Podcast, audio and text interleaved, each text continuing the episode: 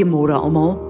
Ek is so bewus daarvan vanoggend dat elke nuwe dag 'n nuwe geleentheid is, letterlik nuwe ehm um, manna wat vir ons release word vir hierdie dag en dat uh, elke dag 'n plek is waar ons kan staan in geloof met die wete dat my God is reeds aan die einde van hierdie dag en hy rig my voetstappe. Hy weet wat met my gaan gebeur. Wat 'n voorreg het ons net nie. Gisteraand het ek saam met 'n groep gebid wat 'n uh, 'n uh, hele klomp internasionale mense in die verskillende lande is en vir my is dit so lekker om te weet ons is 'n liggaam en ons ehm um, uh, is geposisioneer elkeen in ons eie land vir wat Vader God van ons wil hê maar terselfdertyd is ek en jy ook 'n gateway vir wat God doen in die nasies van die wêreld maar ook in ons eie lande terug te bring na ons eie gemeenskap ons eie gesinne ons eie lewe toe. Wat 'n 'n 'n 'n God met so 'n 'n kapasiteit om alles onder sy beheer te hou van die lande in die wêreld tot my en jou 'n plek waar hy weet wat ons gedagtes is en hoeveel hare op ons kop is.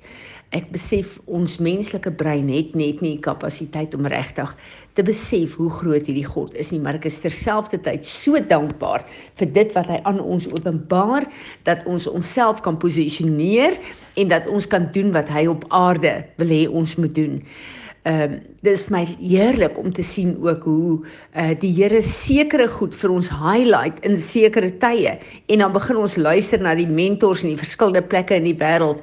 En oral kom presies dieselfde boodskap uit want God het ook 'n unity in ons en in sy liggaam waar wat hy wil gebruik om sy seën op aarde deur te manifesteer. Ons weet dat ons staan op hierdie stadium op 'n plek waar uh, 'n mens kort kort wil benoud raak as jy sien wat aan die gang is. Die petrolprys, die ehm um, 'n uh, prys van al die die kos, die 'n uh, 'n uh, tekorte wat daar op hierdie stadium is, die korrupsie wat nie gang is, die uh, totale verkeerde beheer wat daar oor oor nasies uitgeoefen word. Die ag, ek kan net begin noem en dan dan weet ons ehm um, uh, waarna ek verwys. Maar wat vir my verskriklik is, is daar is 'n skudding en ons weet dit. Maar ons reaksie hierop ontstel my. Die Here het met my gepraat deur 'n skrif en gisteroggend by die vroue groep het ek net besef hoe belangrik dit is dat ek hierdie boodskap ook op ons padbeen sal sit dat ons 'n bietjie kyk na die tyd wat God ons in het. Die Here praat met my deur Haggai 2 uh eh, vers 6 en ook dan Hebreërs uh, dieselfde skrif uh, word verwys in Hebreërs 12 vers 26 en in hierdie skrif staan daar weer gaan ek God die hemele en die aarde skud vir dit wat hy besig is om te doen in hierdie tyd. Nou moet ons weet die hemele, hierdie hemele, uh die Hebreëse woord daarvoor is uh, shamahin. Dit is die die die uh tweede hemel waar al die principalities en die powers is. En hier staan daar dat uh, uh as uh, this is a, a, a word that describes um as well as to the higher ether where the celestial bodies revolve. So hierdie is die plek waar al die principalities en die powers en die demoniese magte sit. Dit is die plek waar God se se mobiele troon heen gaan wanneer die vyand kom om ons dag en nag aan te kla. Dit is die hemelse hofsaal vir wat dit uh, die die die uh demoniese magte en Satan self 'n toegang het om ons voor God aan te kla. En die Here sê, ek skud hierdie magte in hierdie kragte. Maar nou moet ons weet dat hulle werk op aarde is gewortel in al die sisteme en al die die die uh, strukture hier op aarde en dit is hoekom ons hierdie skudding voel. Dit is al die goed word jy mekaar geskid. Daar word baie goed gedoen op hierdie stadium, maar dis omdat God die hemele skud dat daar op die aarde ook 'n skudding is. My probleem is dat hierdie skudding veroorsaak baie keer vir ons ons reaksie na verkeerde kant toe. Want mense gaan in vrees en mense is bekommerd. Mense uh, weet nie hoe om op te tree nie. En dit beroof ons van ons vrede. En ons moet weet dat ek en jy dien die prins van vrede. Ons moet in God se vrede en in sy oorwinning bly. En is baie baie interessant dat die woord vrede word 439 keer in die woord genoem. So uh, Jesus het die ultimate prys betaal sodat ek en jy in sy vrede en in sy oorwinning op aarde kan leef. Maar hierdie skitting in die omstandighede en die goed wat gebeur, vat ons fokus in plaas dit op hierdie omstandighede. Dan kom vrees by ons op en dan uh, is ons lam gelê want ek en jy is deel van die hemelse weermag wat oorlog moet voer op aarde wat bid wat God gebid wil hê. En as ons toelaat dat ons fokus verkeerd is dan is ons aan die verkeerde kant en ons word lam gelê. En ons moet besef ons praat so baie van die vrede die oorwinning van Jesus Christus. Maar wat wat beteken oorwinning Oorwinning beteken jy was in 'n oorlog, in 'n geveg gewees en jy het gewen, nou staan jy in oorwinning. Daar's gevegte wat ek en jy in staan hier op aarde in ons persoonlike lewe, maar ook in die liggaam van Christus wat ek en jy uh, die geveg moet afhandel om God se vrede te kry, om sy oorwinning te kry. Dit gaan nie sommer van self kom nie. Ek en jy moet dit wat Jesus op Golgotha afgehandel het en vir ons gegee het, moet ek en jy staan in elke situasie. Ons moet daai oorwinning saam met hom op aarde in ons omstandighede uh laat manifesteer.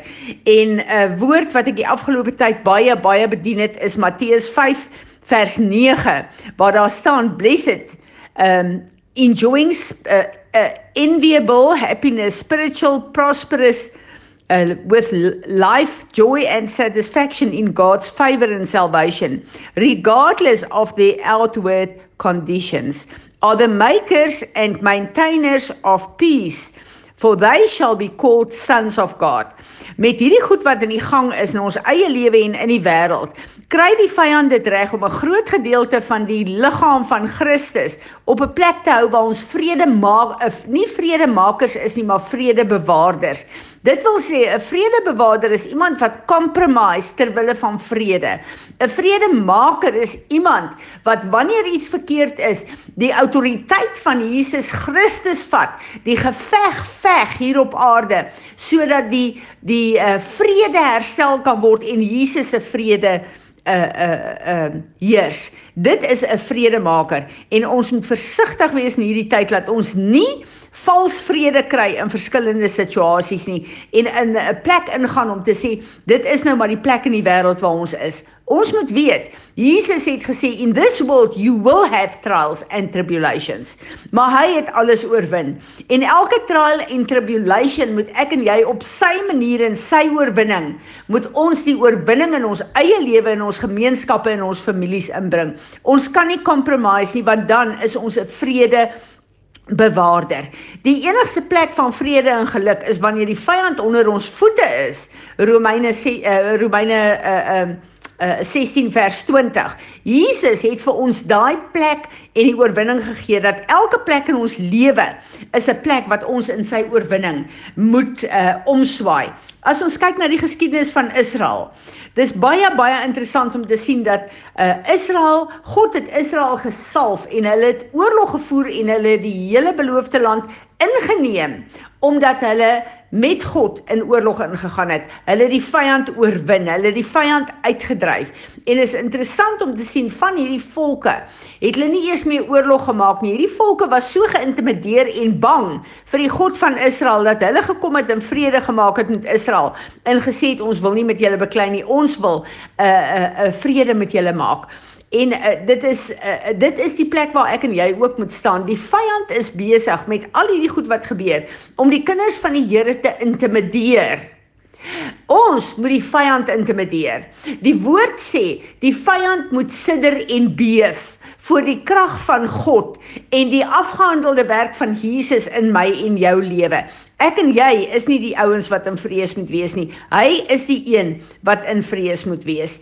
En dan moet ons besef dat as ons vrede wil hê, as ons situasies wil verander, daar is 'n geveg, maar ek en jy moet veg met God se wapens, met sy oorwinning. Ons kan nie uit ons vlees uit veg nie, want dis die plekke waar ek en jy nie oorwinning het nie en dit breek ons moed totaal. En ons moet weet dat Ons het die woord van God. As ons ek het net nou verwys dat vrede kom 439 keer in die woord voor. Ek en jy kan al daai skrifte gaan gaan leer uit ons kop uit. Dit beteken niks as die vrug van daai skrif nie in my in jou lewe is nie. Ons moet weet dat baie keer het ons gevegte wat ons aangaan. Ons moet deur die gevegte gaan. Ons kan nie goed wegbid nie. Ons kan nie goed uit die pad uitvee nie. Ons moet deur dit gaan want baie keer is daar 'n groter doel vir dit wat ek en jy moet deurbeklei as wat ek en jy sommer net na kyk. En uh dis interessant as ons kyk toe Jesus het as 'n mens kruis toe gegaan. In Getsemane het hy 'n stryd gehad om sy eie wil te kruisig, wat hy met daai beker wat hy wil moet drink. Maar hy het daardeur gegaan. Hy het nie een keer die vyand bestraf uh, uh, om nie kruis toe te gaan nie. Hy het geweet hierdie is 'n geveg wat ek met God se se uh, wapens en manier moet deurveg, want daar's 'n groter prentjie as net my fisiese lewe. En ons weet wat is die betekenis van die volheid van die kruis. So ek en jy moet die tye onderskei, ons moet die manier wat ons beklei onderskei en elke krisis wat ek en jy het, moet ons kom en sê Here, wat is u oplossing vir hierdie krisis? Pas op om sommer net uh uh dieselfde te doen as wat hy laas keer gedoen het. Dawid het met elke geveg vir die Here gevra, Here, wat is u strategie vir hierdie geveg? So ek en jy moet weet daar's 'n geveg, maar ons moet God se strategie kry, want ons moet in sy oorwinning veg, maar hy is die een wat sy vrede moet gee in die plek van die oorlog. Ek en jy moet die oorlog veg, maar ons moet in God se vrede kom. Dis my so hartseer ons te bekende ekonom wat dood is hierdie uh, afgelope tyd. En uh, nou ja, as 'n mens kyk na ekonome dan uh, is hulle baie ingestel op finansies en beleggings en bankrekenings en en en en die gedagte het by my opgekom. Uh hierdie man het gesterf en al sy aardse beleggings en bankrekeninge en goed wat hy gedoen het, het agtergebly hier. Maar die oomblik as ons oorstap het ons 'n hemelse bankrekening. Hoe lyk ons hemelse bankrekening?